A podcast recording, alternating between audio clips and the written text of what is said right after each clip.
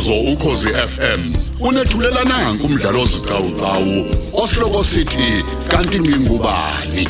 Lo mdlalo ubhalwe ngusandile mbili.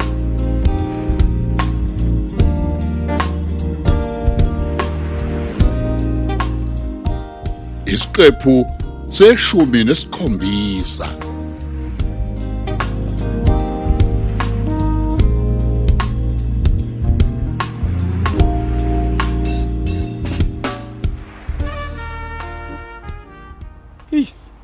Lashone la namhlanje madoda.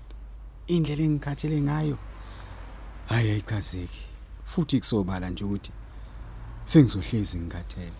Sengisho phela ngoba lapha emsebenzini sesitshela ukuthi ngaso sonke isikhathi isango kumele silivale sonke isikhathi. Silivule kuphela uma kuphuma imoto noma ingene. Ey, phela iyaqilaza leyo nto. Hayibo. Hey. Awu.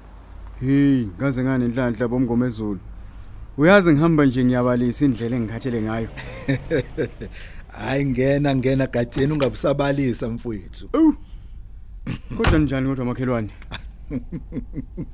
Hayi kanti nakho nje ukuthi umkhongi wami akulona icala gadeni. Hawu. Eh kodwa kungaba yicala kanjani ngempela dlakadla? Hawu awu awu awu hawu. Awusho ngizwe wezingilwayo.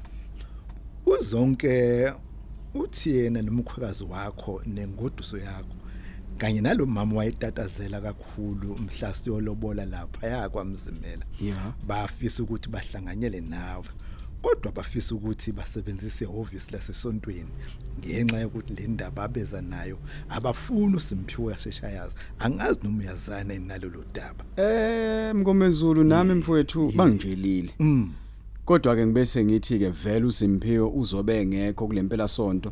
Uzobe evakashele lensizwa kaGama. oh Sengisho phela ubaba wakhe lo asanda umntwana. oh manje uzohamba iweekend yonke yini Eh kunjalo mfundisi. Uyozabuye ngesonto ntambama. oh oh oh oh. Awu. Kahleke. Wena bakutshelile ukuthi le ndaba abafisa ukuzoyidingida nami imayelana nani? lutho zingelwayo lutho gatsheni lutho ngiyazisa impela ukuthi engabi nganike le ndaba. Hayi. yazi uzonke uthe uma ethi le ndaba bafuna ukuthi uSimphiwe ayizwe ngase ngicabanga ukuthi ngabe mhlamba ayiphathelene yini nalogama Hayi. Usho kanjani ngomezulu? yazi bengithi mhlambe kukhona bakwaziyo ngaye abafisa mhlamba ukuthi baxwalise ngakho ngalogama lo okanye nje baxwayisa uSimphiwe uma sebekutshelile wena. Kodwa ke ukusola. Ey angazi mfowethu. Bona nami ngeke ngafikelwa yiwo lo mcabango. Kodwa futhi ngabuye ngafikelwa umcabango ukuthi mhlawumbe ikhona imfihlo ethile eshisa uphosha ngaphakathi yabona. Afisayo ungitshela yona. Manje uyesaba ukungitshela uma siso babili. yazi bengingayicabanga ngaki leyo. Yabo ngaba ngithe mangiyibuka ngangafika impela kuleyo ndlela gatsheni Hey asasi sengiyozwa sebengixoxela lolo daba wedlakahle. hayi kona ke uyozwa impela. Oh yazi libe lokuxoxa. Nakho sesifika ngasemzini yethu. Angikwehlise khona lapha esangweni kwakho zingelwayo nami ke bese ngiyaqhubeka ngiya kwami. Hayi kulungile mfundisi. Ayikho inkinga ngibonge kakhulu. Hayi ke usuyahamba kahle ke mfundisi hayi. Ngibongile impela ngeenyawo elula. hayi ukhululeke nje noma yinini makhelwane wami ungesabi lutho Hey wazwa ngisiza mngomezulu. Hey ngiyabonga dla kahle.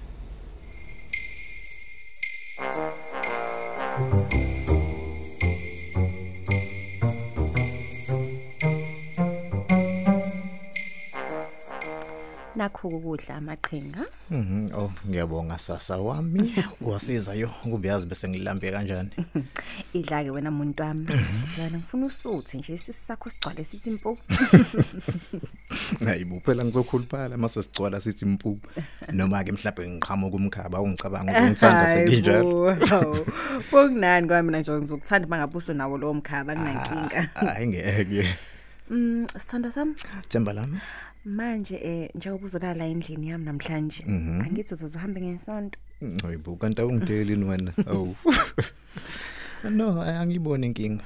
Inqobo nje uma wena ungazosebenza kulempela sonto phela hey kushayisa amahloni okusala ngedwa lemqashweni wakho wena ungekho. Hayibo maqhinga amahlonani manje. ngempela. Awu akekho umuntu ongasilenda wena ukuthi mina nawe siyathandana. Kahle nje. ya ngiyakwazi lokho. Pho amahloni awaniki. eish. Hawu awungitshene sona sami usiphi usawuthola umsebenzi? oyi lutho kakawuthula umngani wami I- i- indaba buzelani Eh ukuthi khona la ngizwe khona ukuthi ena kuyaqashwa kusasa. hayibo ikephi lapho yokuqashwa khona ngomgqibelo Em egarage lokuthela upetrol la eHillcrest. Aha. Eh ngizwe ngomlungu lo engisebenza kuyena ethi ne udinga abafana. Hayibo. Hawu yazi nawe ngaya nje mangabe uyoz- uyoyizamela kodwa. hayibo i- hayibo ngizoyana kanjani phela ayikho imali engiyihola lapha kule firm engisebenza kuyona Hayi ngempela nje kumele uyo- uyozama sithando sami. Kodwa kwenza isiqiniseko sokuthi uma usubuya ke uyabuya uzala endlini. Ngaloku ngijikela ukuthi usuyolala kini la. hayi cha ungideli ngempela wena hayi nokulungile kunankinga angeke ngiyenze lonto themba lami eh ngabe kusimpiwe uzohamba yini Hawu indaba. no ukuthi ngizwethi kusasa uyahamba uyovasha emzini ka mbalo baba usicebe igama ubaba wakhe lo asanda kumthola Oh. Ay eh kodwa ungamkhulumeli mzami. Mfonele umuzi uthi na engaya yini. ayi qinisile lapha ngimfonele ngempela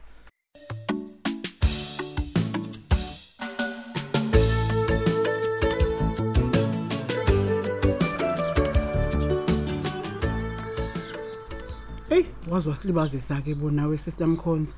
Yini kangaka ngempela? Hayi. Bengasavukeki yini hawu hayi yini? lutho ukuba uyazi ke ngisheshe kabi ukuvuka mina namhlanje kodwa ngilitshaziswa ukuthi ngithenga ithi nje inhla eyokweni lezimbuzi hayibo izimbuzi zami azikho zonke phakathi intombi Hawu. Hayi. Yeheni bo. Hayiba yikwahle wena. Bayintshontshile mhlawumbe. lutho kwayi mina kodwa bengicabanga kanjalo ntombi kanti cha ngithe mangithi hayi man umzukulu wami kwayizole bevele ngayivalelana Oh. ngathi ngisampampa ntombi igceke lami lonke leli mangithi ngiyabheka phesheya hayibo nazi yana ziyayidlela izimbuzi Hawu kube ngcono ke kodwa anti ngoba bayintshontshanga. hayi Phela kulezi insuku abantu abayibheki inhlobo nje imfuyo. Ukakhulukazi ke uma ngabe izoba uvanzi. hawu isho uliphinde lelo phosha yeyi Kodwa ke awushoke. Umfonelile yini uzonke umtshela ukuthi akusezohlanganyelwa kwamfundisi kodwa sesiyangqo kwaNdlovu. Awu ngimfonelile lo. Ngimfonele nje eqeda ukungazisa uphosha ku WhatsApp izolo. Hayi ngcono ke.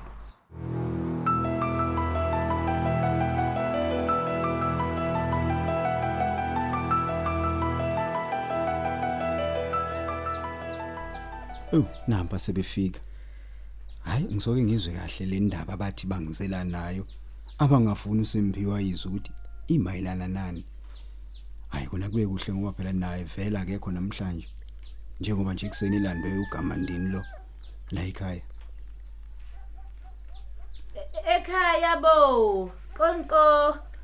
Hayibo. Manje le ntombazane eqashe la kwamfundisi ke unesi yona izofuna nike manje. Yihi, hayi ngathi inkulu indaba ngoke ngizwe. Aw, ngena ngenani ngenani bakhwekazi bami nawe mngami. Ngicela ningilandele siyeni ngale endlini yokuphumula. Awu siyabonga mkhwenyana. Ake ngizwe nginganenzela itiye okanye okunye nje kokwehlisa. Hayi lilungile itiye mkhwenyana. Hawu kwakuhleke ngoba phela vele bese ngilungisile. Angisale sengililetha ke. Hawu, iyaphila kodwa ingoduso yami. Kahle kakhulu Gadeni. Ngiyumqemane. Hey, wangikhulula mawusho kanjalo yazi. Bese ngithukile phela ngithi udaba lolu enizolidinga idala umayelana nawe. Hayi kanti lutho ke sithando sami.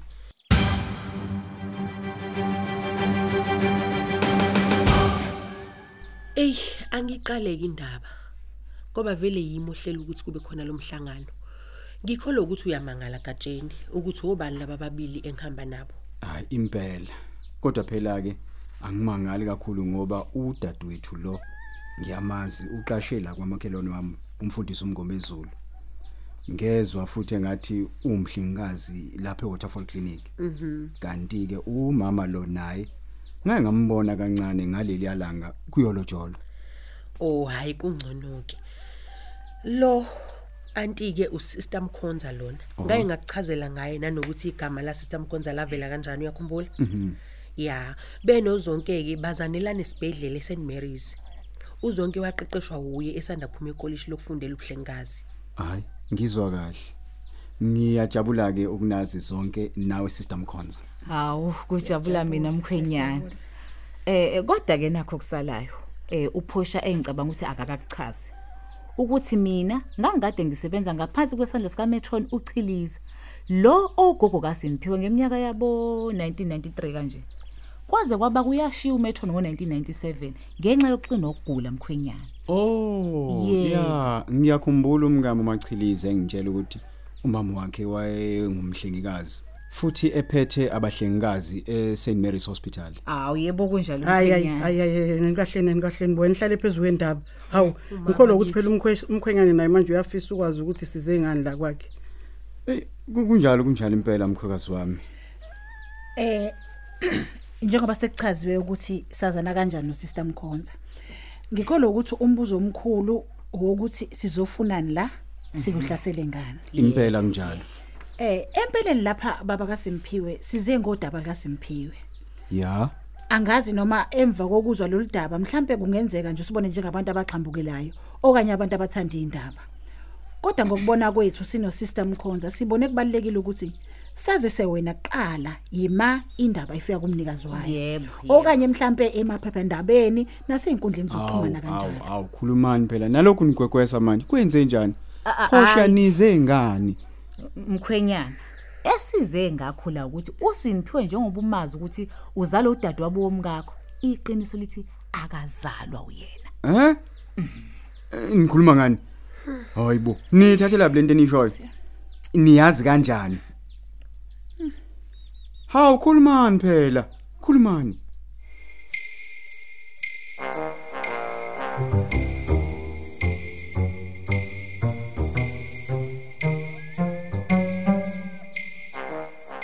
Eh, Imani ke wo. Manje kuyona yonke lento eseningitshele yona zonke nawe sister Mkhonza ngoSimphiwe. Nine siqiniseke esingakanani ukuthi uSimphiwe uye leli wele la ntshontshwayo eh, esangweni lesibedlela. Ey gatsheni khona asinaso isiqiniseko kodwa ke sithe uma sibuyisa imiqondo yethu sabona ukuthi hayi kuyaqondana la njengoba ngokwazi kwethu udeliwe ingane yakhe yomfana yashona isanda kuzalwa kanti naye akuphelanga izinsuku ezingaki washona wasishiya yingakho ke sixakeka nje thina ukuthi le ngane yomfana okuthiwa yeyakhe isivelaphi Impela. ngoba thina siyazi ukuthi eyakhe yashona Hey, hey insambatheka ke le. hayi uma kuthiwa insumansumane insumansumane uqobo lwayo ke lemkhwenyana yingakho ke sinokusola ukuthi ingane yalahleke esibhedlela yiyo lesi uSimphiwe manje Hey, kodwa umbuzo wami uthi uma esebelethile Eh. yashona ingane yakhe. Wabe seyakini zonke eyofuna umthandazo kubaba wakho njengoba uthi umfundisi angithi. kunjalo impela Pho wabe sebuyelelanike esibhedlela aza ntshontshe iwele kunina walo. Wayesayapha esibhedlela. hey kumina wathi uyofihla ingane yakhe Ya. ngikholwa ukuthi ubaba wamyala ke ngokuthi lento ayenzile hayi yokuthi ashiye ingane esibhedlela angayingcwabile ayinhle nje impela ke siyasola ukuthi yilapho kabona khona lo mama wamawele owayekhalelwa heli lodwa wasecela yena ukuthi ambambele lona lele lingakhali ngenxa yokuthi yena wayesawushintsha lele linginabukini injalo nje Kodwa umfana wamadoda. hayi Uyazi niza nalolu daba nje. Yena kuyimanje uMatasi uzama ukuthi akhe ubudlelwane nalo baba wakhe omusha ugama. awu Othi wayethandana noDeliwa ngalezi ayikhadi. Hayi, yabona nje iyadida nje yonke lento. ewu kodwa nkosi yami waze wathwala kanzima umfana bakithi hayi kusho ukuthi nje kwalo baba ayitshela ukuthi usemtholile kwasayena futhi akuyena baba wakhe oh Hey. Manje ke gantsheni isona sizathuke esenza ukuthi sithi uSimphiwe angabi khona. Kuqale kwazise wena kuqala lolu daba. Kuyimake wena uthatha isinqumo sokuthi umtshela nini futhi kanjani uSimphiwe le ndaba. Hey, kona ke nenze kahle impela. Naqale nazisa mina. mhm Hey, ngisazoye ngidla amathambo engqondo. Ke ngilale ngiphenduke nami ngizenze lo lwami ucwaningo ngalolu daba. Kuyothi ke sengigculiseke kahle ke ngiyobe sengizama amaso ukuthi phela uSimphiwe sigcine simtshelile. awu ngivumelana nawe ke futhi impela kumele ayazi bakithi le ndaba phela kubalekile ukuthi azazi imvelaphi yakhe ikakhulukazi thina sizwe insundu Ya, khona kunjalo. Hey cha nathi mkhwenyana bandla ngoba sesiyithulile yonke indaba ebesize ngayo. Hayi senohlela ke nayo uzonke lo no sister Mkhonza ukuthi nimazisa kanjani le ndaba ngalelo langa ke niyohlela lona nina ninodwa. Yebo. Ay. Ngibona impela ukuhle ke manje ukuthi sibone size ngayo. hayi kulungile senihamba kahle